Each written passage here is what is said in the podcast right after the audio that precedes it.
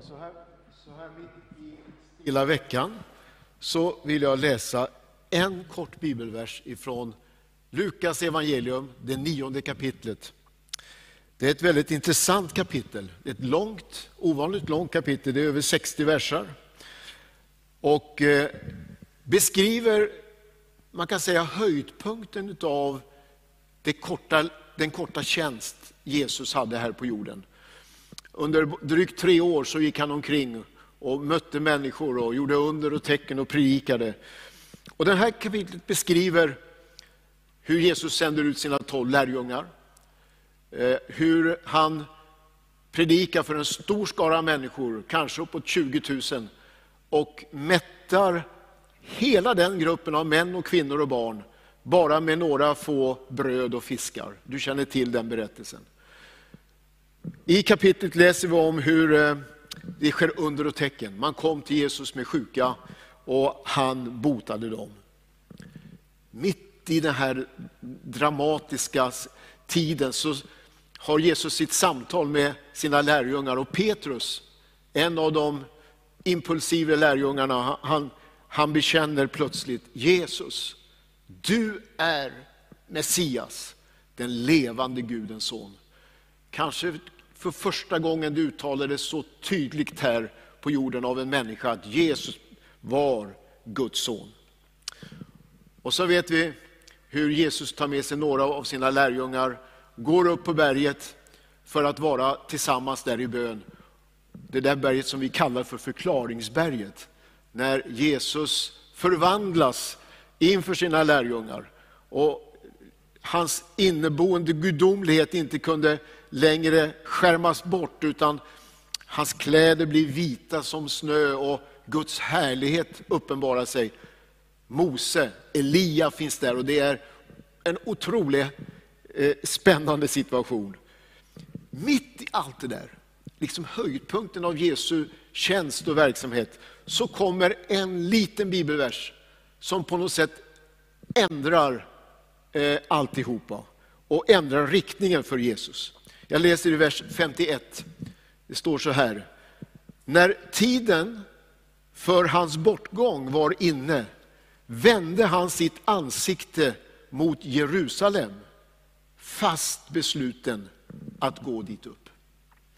En annan översättning säger, när tiden var inne för Jesu upptagande till himlen, vände han sina steg mot Jerusalem. En liten vers som faktiskt beskriver en helt ny inriktning i Jesu tjänst.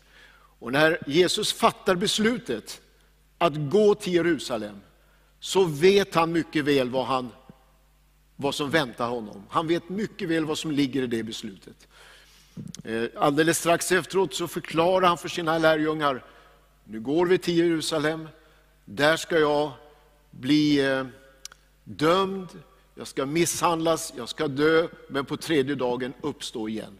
Jesus visste precis vad han gick till mötes och ändå så står det att han beslutade sig för, han var fast besluten att gå till Jerusalem. Den här andra översättningen som jag citerade, när tiden var inne för Jesu upptagande till himlen. Det är ju lite intressant att det står så.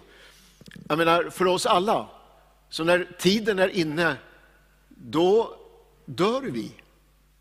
Men för Jesu räkning så står det, tiden var inne för hans upptagande till himlen. Det där är intressant. Vi alla människor är syndare. Varenda en av oss har syndat. Varje människa som har trampat den här jorden har syndat. Och Bibeln säger att syndens lön är döden. Den enda som inte har syndat, det är Jesus Kristus. Det står om honom nämligen, han hade ingen synd gjort och inget svek fanns i hans mun. Så döden var inte ett alternativ för Jesus. Nej, han skulle bli upptagen till himlen. Det var tanken. Jesus upptagen till himlen. Och det är då han beslutar sig för att gå till Jerusalem. Hade det inte varit, hade det inte varit bättre, Jesus, att du gjorde himmelsfärd på förklaringsberget. När himlen var så nära. Och när, när man, man, riktigt kände Guds närvaro. Tänk då, att göra himmelsfärd, det vore väl fantastiskt. Eller tänk när, när människorna häpnade över de där bröden och fiskarna som förvandlades till, till mat för alla. I den förundran, när man sa till varandra, vad är detta? Det hade väl varit ett bra läge att göra himmelsfärd. Att säga till människorna, ni ser min gudomlighet, nu far jag tillbaka till min fader.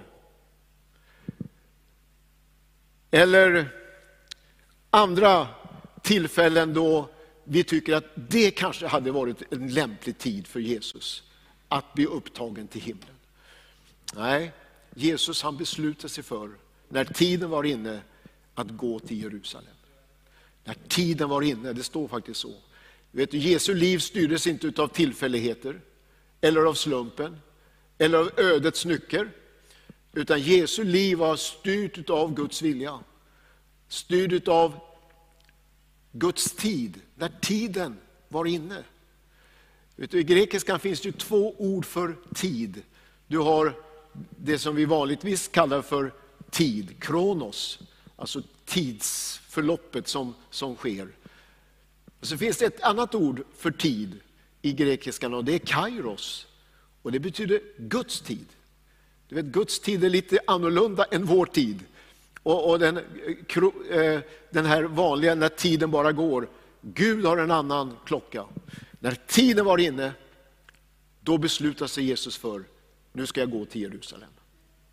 När tiden var inne, står det, när tiden var inne sände Gud sin son. Jesus kom i rätt tid.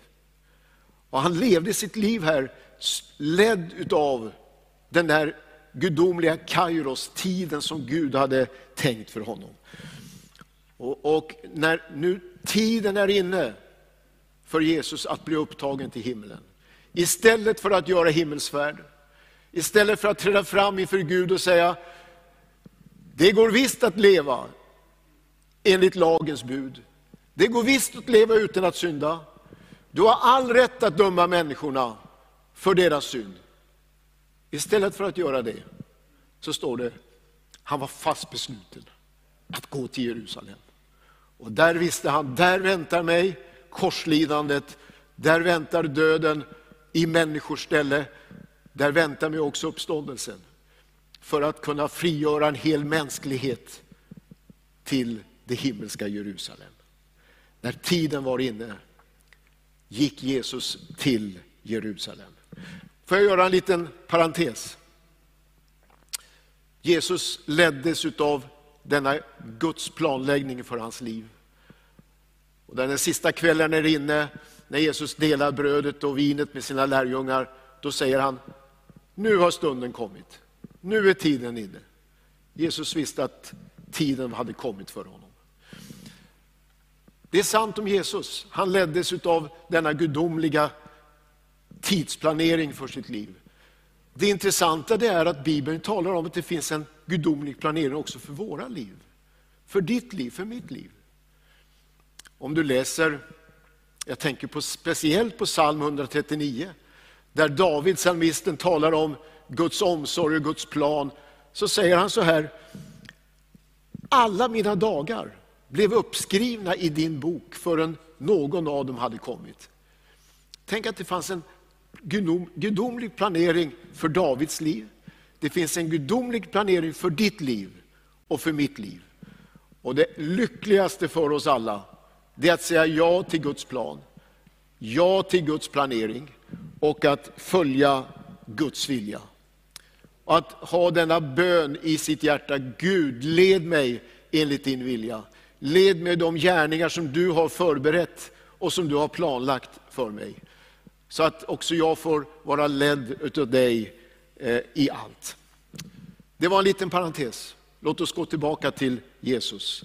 Tiden var inne för Jesus att bli upptagen till himlen. Och nu, nu beslutar han sig för att gå till Jerusalem.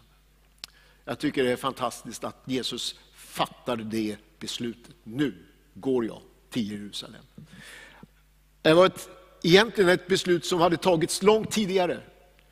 Bibeln säger att till och med innan jordens grund var lagd så fanns det ett beslut som Gud hade fattat inom sig själv, och Jesus var ju Gud. Att skapa en frälsningsplan för oss människor.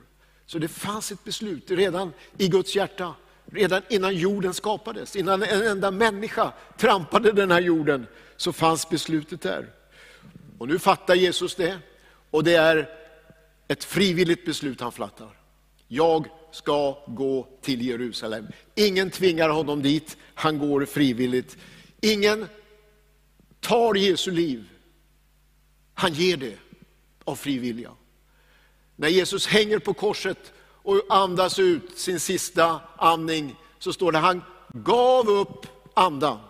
Han gav sitt liv. Ingen tog det ifrån honom, men han gav det för din och min skull. Mm, det var kärlekens beslut. Han älskade oss så högt att han valde att gå till Jerusalem och möta smärtan, döden, men också att skapa vägen för oss alla till Gud. Det var ett nödvändigt beslut. Ett beslut som var helt nödvändigt. Och vi ser det så tydligt när Jesus den sista kvällen, vi ska ju påminna oss om det imorgon kväll, när Jesus i ett semane kämpar sin kamp och, och liksom överlåter sig in i, i den här tjänsten som ligger framför honom. Och när han ber så starkt så att till och med hans svett blev som blod och hans liv var fylld av ångest det ögonblicket. Så säger han, Fader om det är möjligt, låt det här gå ifrån mig. Finns det en annan väg? Om det finns en annan väg för människorna att få uppleva förlåtelse och ren, låt det här gå ifrån mig. Det fanns ingen annan väg. Utan det var ett nödvändigt beslut Jesus fattade. Jag tar beslutet, jag går till Jerusalem. Och jag är så glad över att det var, det var ett segerns beslut. Jesus kom till Jerusalem för att dö, för att uppstå och där skulle han söndertrampa ormens huvud. Han skulle besegra vår fiende.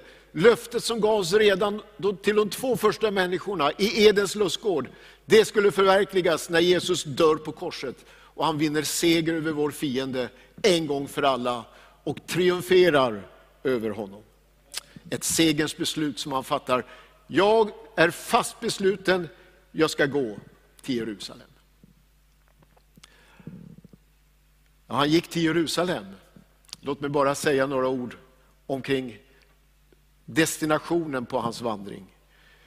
Du vet, det var, ingen vilken, det var inte vilken plats som helst Jesus gick till. Han gick till Jerusalem. Det var där konungen bodde. Det var där templet fanns. Det var där man frambar offer. Det var där Gud uppenbarade sig. Och det var där man tackade Herren i templet, i uppenbarelseplatsen. Jerusalem möter vi gång på gång i Gamla Testamentet. Första gången vi möter Jerusalem så står det, då kallas den platsen bara för Salem. Det som sen kunde kallas för Jerusalem.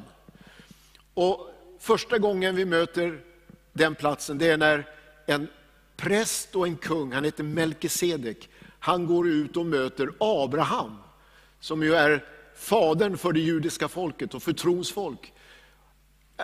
Denne präst går ut och möter Jesus och har med sig bröd och vin. Och så sker ett väldigt intressant möte som vi inte kan gå in på här. Men visst är det intressant att 2000 år innan att Jesus instiftar nattvarden så kommer denne man, denne präst ut med bröd och vin och möter Abraham. Det är kanske första gången vi möter Jerusalem i Bibeln. Andra gången så kallas den platsen för Moriaberg. Kanske du kommer ihåg, just Abraham som fick vänta på löftessonen under så många år. Åren gick och Gud hade ju lovat honom en son. Och på sin ålderdom, när, han, när liksom allt upp var ute, hoppades han ändå och trodde.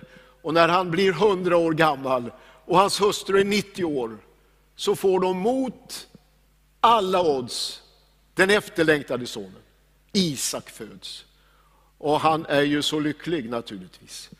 Och så kommer du kanske ihåg den där gången när Gud talar till honom och han var van att Gud talade. Och han svarade alltid och när Gud kom den här gången så säger han, ja herre, här är jag.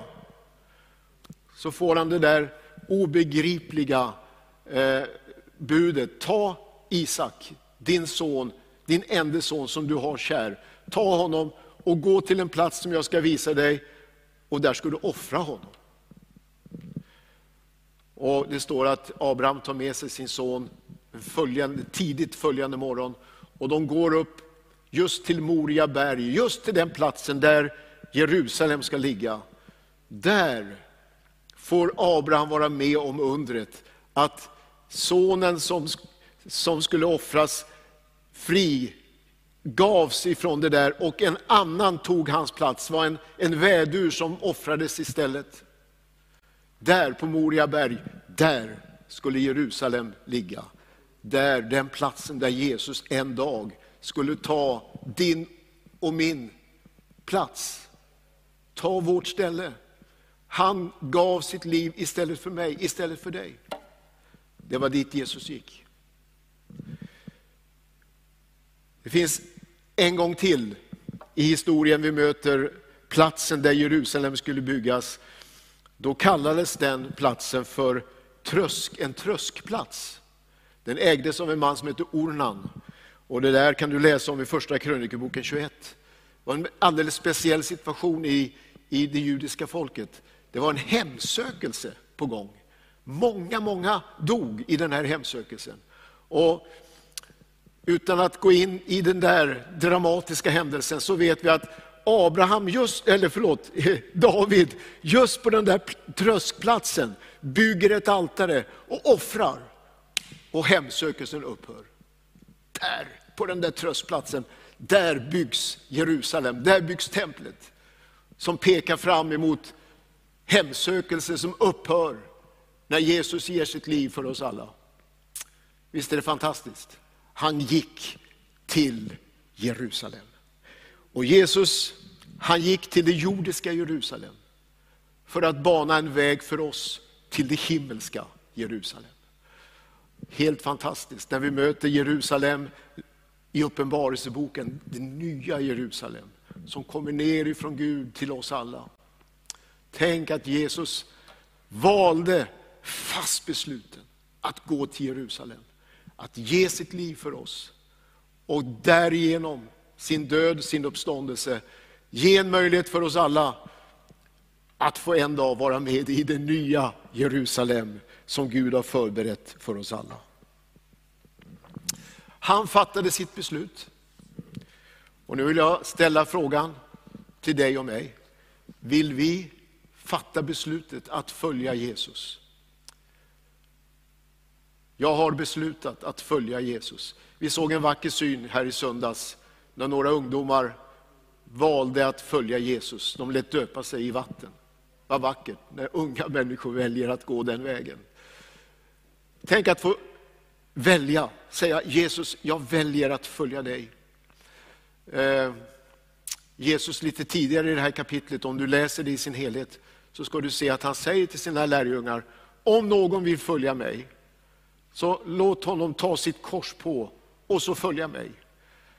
Att, att följa Jesus, det är en fantastisk upplevelse, men det är också att följa honom i, i det som ibland blir en uppoffring och där vi känner att vi får vara med och tjäna Gud och våra medmänniskor. Vill du ge ditt liv till Jesus Kristus? Vill du säga ja till honom? Vill du välja honom? Och du som en gång har fattat det beslutet, vill du liksom förnya och säga, ja Jesus, jag vill följa dig. Jag vill gå i dina fotspår. Visst är det fantastiskt när tiden var inne för Jesus att bli upptagen till himlen. Istället för himmelsfärd så beslutar han sig för, jag går till Jerusalem. Ska vi tacka Herren tillsammans. Tack Jesus. Tack att du gick till Jerusalem. Tack att du inte tog genvägen till himlen, utan du valde smäleken, korsfästelsen, förnedringen. Du valde det Och du gjorde det för mig, du gjorde det för oss alla, för hela världen. Och tack att vi idag får prisa dig, proklamera din seger. Och också vi fattar våra beslut att följa dig. Och tack att det är sant att har vi följt dig här i tiden under några korta år ska vi också i evigheten följa Lammet vart det går. I Jesu namn. Amen.